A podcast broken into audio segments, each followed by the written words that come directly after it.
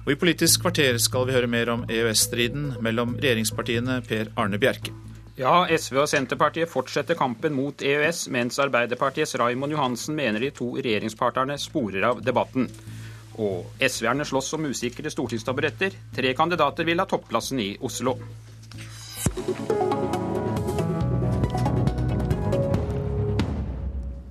Sekretær i Arbeiderpartiet Raimond Johansen, velkommen til Politisk kvarter. Takk for det. Vi hørte deg i Dagsnytt eh, tidligere i dag. Hvorfor avskriver du SVs og Senterpartiets mulighet til å nå fram med sin EØS-motstand innad i regjeringen?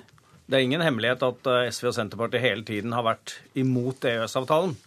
Eh, vi har blitt enige gjennom Soria Moria 1, Soria Moria 2 og styrer på vegne av EØS-avtalen. EØS-avtalen er god og viktig for Norge. Derfor er den også viktig for Arbeiderpartiet. Det er vårt primærstandpunkt. Det jeg også er veldig opptatt av å si, er jo selvfølgelig det at den økte arbeidsinnvandringa vi har sett til Norge, har gitt utfordringer på mange norske arbeidsplasser. Og det må vi ta på det aller største alvor og møter tiltak med, eh, mot sosial dumping. Men svaret her er ikke å si opp EØS-avtalen. Men kan du nå svare et klart ja eller nei? Blir det noen rød-grønn regjering etter valget neste år uten EØS-avtalen som en viktig del av plattformen? For Arbeiderpartiet er EØS-avtalen helt fundamental. Det er det vi styrer, uh, vårt for, regulerer vårt forhold til Europa på. Arbeiderpartiet er et ja til EØS-parti. Og Det betyr altså at hvis SV og Senterpartiet skal med i den regjeringen, så må de godta EØS? Det er dårlig folkeskikk å skal forhandle på forhånd. Man forhandler etter et valg på vei, på, med avhengig av det tyngdepunktet vi har. Eh, og Arbeiderpartiet er helt klare på at vi fortsatt skal styre på EØS-avtalen. Så er det ingen hemmelighet at de to andre partiene er imot EØS-avtalen, men samtidig så eh, har vi akkurat lagt fram nå en stortingsmelding fra denne regjeringa hvor alle partiene står bak. Det tror jeg vi må kunne tolke som at det blir ingen rød-grønn regjering uten EØS. Men nå klarer dere kanskje å presse de to andre partiene på plass, men klarer dere også å styre LO? Uh, Det er viktig å ha en debatt om eh, EØS-avtalen. Det gjør ingenting. Vi har hatt en god avtale siden 1992. Og vi har vært helt tydelige, ikke minst fra Arbeiderpartiets side, at vi vil aldri akseptere en svekkelse av grunnleggende faglige rettigheter som streikeretten. Og i alle fora internt i EU eh, mot EFTA-forhandlingene, så snakker vi alltid om å styrke arbeidstakernes rettigheter. Jo, men altså LO, Fagforbundet og flere andre LO-forbund har altså gått inn for å ta ut arbeidslivsspørsmål av EØS-avtalen. Og Hva gjør dere hvis dette også blir flertall på LO-kongressen i mai? Altså, Arbeiderpartiets eh, standpunkt har vært at vi styrer på EØS-avtalen. Og jeg vil bruke enhver anledning til å argumentere for å bruke det store handlingsrommet som EØS-avtalen gir. Jeg har bare lyst til å si at når vi forhandla fram EØS-avtalen, så var det syv land mot tolv land i EU.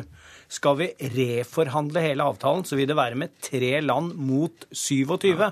Hvis man tror på den bakgrunn at vi får en bedre avtale for Norge, så er vi uenig i det. At det foregår en politisk kamp som, ø, om innholdet i politikken, det kan ikke overraske Kan dere overse et flertall på LO-kongressen? Uh, selvfølgelig så er det Arbeiderpartiets landsmøte som avgjør Arbeiderpartiets politikk, og den skal vi ha andre helga i april.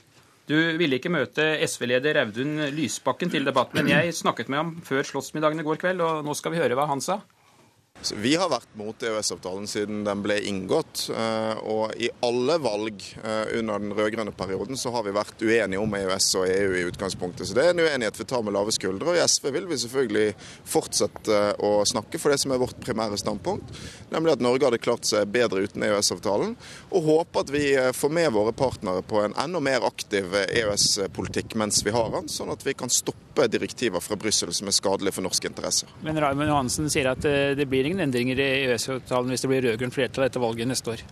Altså, dette er jo en uenighet som er kjent de rød-grønne partiene imellom. Eh, og det er sånn at eh, Arbeiderpartiet står fritt til å argumentere for EU-medlemskap, selv om vi regjerer på grunnlag av at vi er utenfor. Vi står fritt til å argumentere mot EØS-avtalen, selv om vi regjerer på grunnlag av at vi er med i den. Og så får begge parter se om det etter hvert blir bevegelse som gjør at eh, vi kan få til noe mer i framtiden. I hvilken grad vil SV være en garantist for at fagbevegelsen skal få gjennomslag for sine nei til EØS-holdninger også i regjeringen? Det er veldig positivt at mange i fagbevegelsen reiser EØS til debatt, ganske enkelt fordi det kommer en strøm av direktiver og dommer fra EU som forandrer europeisk arbeidsliv. Vi må unngå at det får påvirke norsk arbeidsliv i feil retning.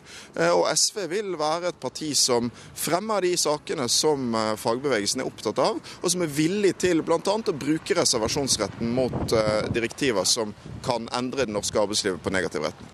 Audun Lysbakken, da jeg snakket med ham i vindkastene på Slottsplassen før han forsvant inn til kongen. Raymond Johansen, dere stiller harde krav til de borgerlige partiene om at de må bli enige i viktige spørsmål, bl.a. i økonomisk politikk, i god tid før valget. Hvorfor stiller ikke dere de samme kravene til dere selv? Altså, Vi er jo enige om å styre på vegne av EØS-avtalen. Vi styrer jo, men nå spurte jeg etter valget. Vi styrer gjennom Soria Moria II. Og eh, jeg er veldig tydelig på å si hva Arbeiderpartiets standpunkt kommer til å være, og jeg er helt sikker på at vi finner en løsning på det. Jo, men, men altså, EØS er da den viktigste avtalen Norge har med Europa. Kanskje en av de viktigste avtalene vi har uansett. Og må ikke velgerne få vite hva dere tre partiene vil gjøre med den avtalen hvis det skulle bli rød-grønt flertall etter valget i 2013? Jeg føler meg ganske trygg på å si at uh, vår uh, tilknytningsform, eller at vi vil fortsette å styre på vegne av EØS-avtalen. Det har vi gjort gjennom Soria Moria 1, Soria Moria 2. Og eh, det er, vårt, eh, det er, vårt, utgangspunkt. Det er Arbeiderpartiets utgangspunkt. Jo, men Er det også da regjeringens utgangspunkt? Kan du det er, fastslå det? Det er, det er, det er EØS-avtalen vi styrer på bakgrunn av nå i denne, denne, stortingsperioden. Og vårt utgangspunkt er selvfølgelig at vi skal gjøre det i tida fram, framover også. Og jeg mener virkelig at deler av denne debatten, debatten her er en avsporing. Den største trusselen mot norsk arbeidsliv er en Høyre- og Frp-regjering.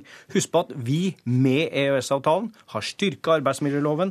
Vi har gjennomført 30 konkrete tiltak for et bedre arbeidsliv. Vi måtte reversere den liberaliseringen av arbeidsmarkedet som Bondevik II-regjeringen la opp til. Det er, hoved, det er hovedfokuset vårt eh, ja, framover. Avsporing, sier du, men betyr det at deler av LO, SV og Senterpartiet egentlig ikke vet hva de snakker om? Eh, det at det har vært økt arbeidsinnvandring, har gitt utfordringer for norsk arbeidsliv, er det ingen tvil om. Derfor har vi fremma mange tiltak mot sosial dumping. Svaret er ikke å si opp EØS-avtalen. EØS-avtalen er god og viktig for Norge, derfor er den også viktig for Arbeiderpartiet. Hvor vanskelig er det for dere å ha en sånn åpenlys strid om EØS innad i regjeringen, midt oppi alle andre de problemene dere har, ti måneder før valget? Altså, politikk handler også om, å, øh, om uenighet. Politikk handler om, om kamp. For oss er kampen for arbeidstakernes rettigheter helt avgjørende. Det å sikre god sysselsetting, høy velferd, er avgjørende for Arbeiderpartiet. Det har vi greid med en EØS-avtale. Jeg forstår bekymringen. Derfor er vi så opptatt av å ha tiltak f.eks. mot sosial dumping. Men det du har sagt i dette programmet, Ramin Hansen, kan ikke tolkes annerledes enn at enten må SV og Senterpartiet oppgi sin EØS-motstand, eller så får de ikke være med i noen rød-grønn regjering. Altså, Vi forhandler jo ikke på, på forhånd. Det er styrkeforholdet som avgjør. Arbeiderpartiets posisjon er klar. EØS-avtalen er god og viktig for Norge. Det har den vist seg å være, og den er viktig for Arbeiderpartiet. Takk skal du ha for at du kom hit, sekretær i Arbeiderpartiet, Raimond Johansen.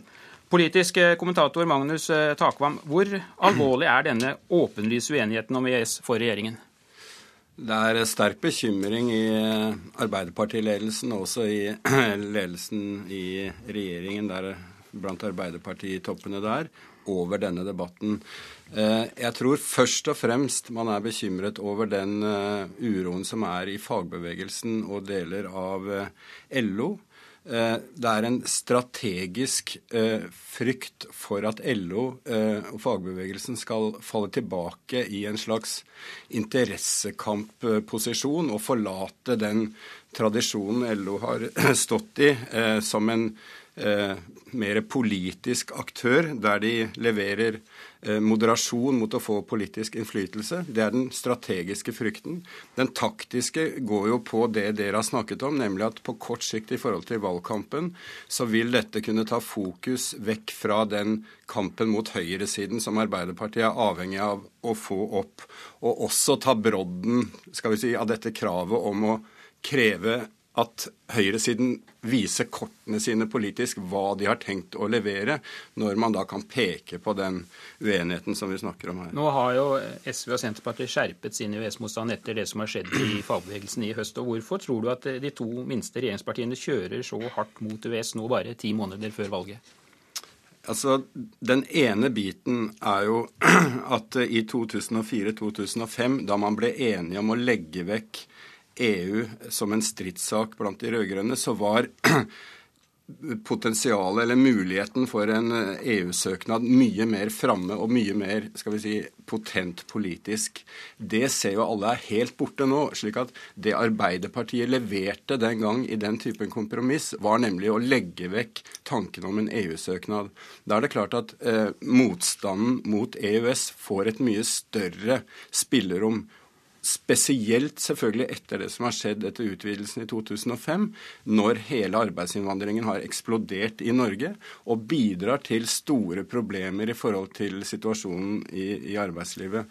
Men jeg syns også det er grunn til å peke på og, eller å spørre hvor troverdig er EØS-motstanden eh, fra SV og Senterpartiet når de i nesten åtte år har styrt på det grunnlaget? Det viser jo at de tross alt ikke har prioritert motstand mot EØS før det å sitte i regjering. Så det slår litt begge veier, dette. Kort til slutt, har de noen som helst mulighet til å vinne frem? Du hørte jo hva Raymond Johansen sa her.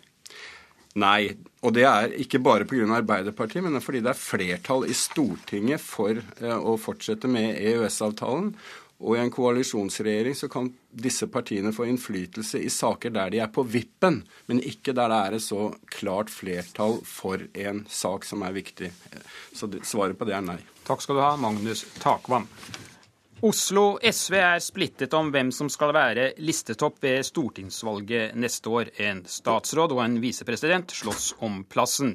Verving kan avgjøre hvem som får delta på nominasjonsmøtet, hvor striden avgjøres. I går stilte toppkandidatene til debatt på lokallagsmøte på Majorstua. God dag, Jeg venter at det skal gå hardt for seg. Ja, ja, med hjelm.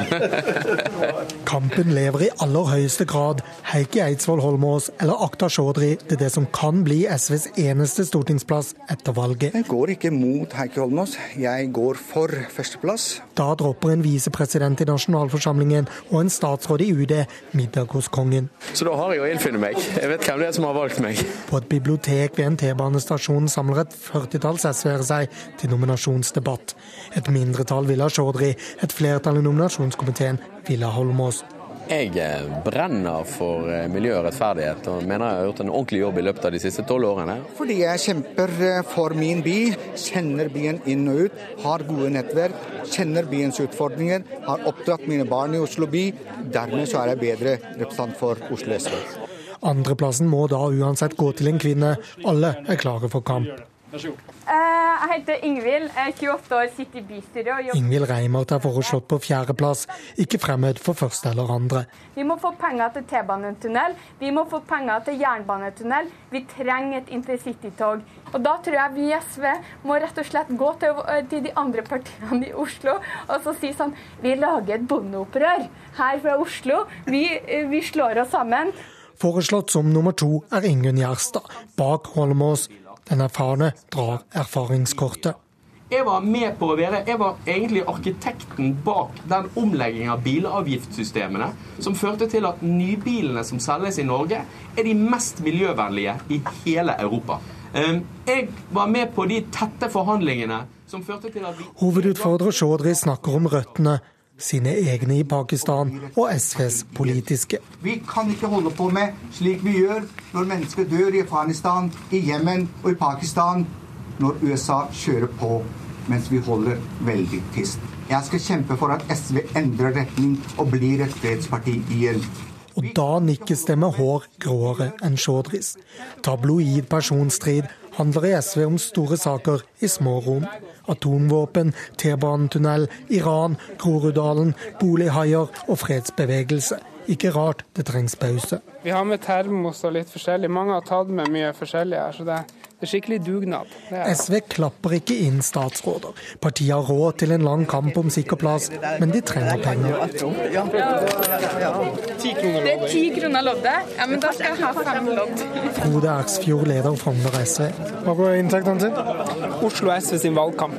Mye kaffe må drikkes før nominasjonsmøtet. Der har både nye og gamle SV-medlemmer stemmerett. Flere hundre hurtiginnmeldte for fire år siden, så frem til midten av november må toppkandidatene sprengverve medlemmer. Jeg vet ikke, det er, har ikke noe tall på det. Så vi får se. Vi har fått et ansvar i hele partiet å verve folk, og jeg har ikke noe problem med å gjøre det. Jeg gjør min del av jobben som partiet har tildelt meg. Jeg tror nok at eh, jeg kommer til å verve de folkene som er opptatt av å være med og gjøre SV til et stort parti inn i valget neste år. Seieren om stortingslista avgjøres 4.12. I går vant verken Aktar eller Heikki, men Tor. Der står det G46. Du har Tor? Gevinsten var en hjemmebakt kake. Reporter Lars Nehru Strand. Og det var Politisk kvarter med Per Arne Bjerke.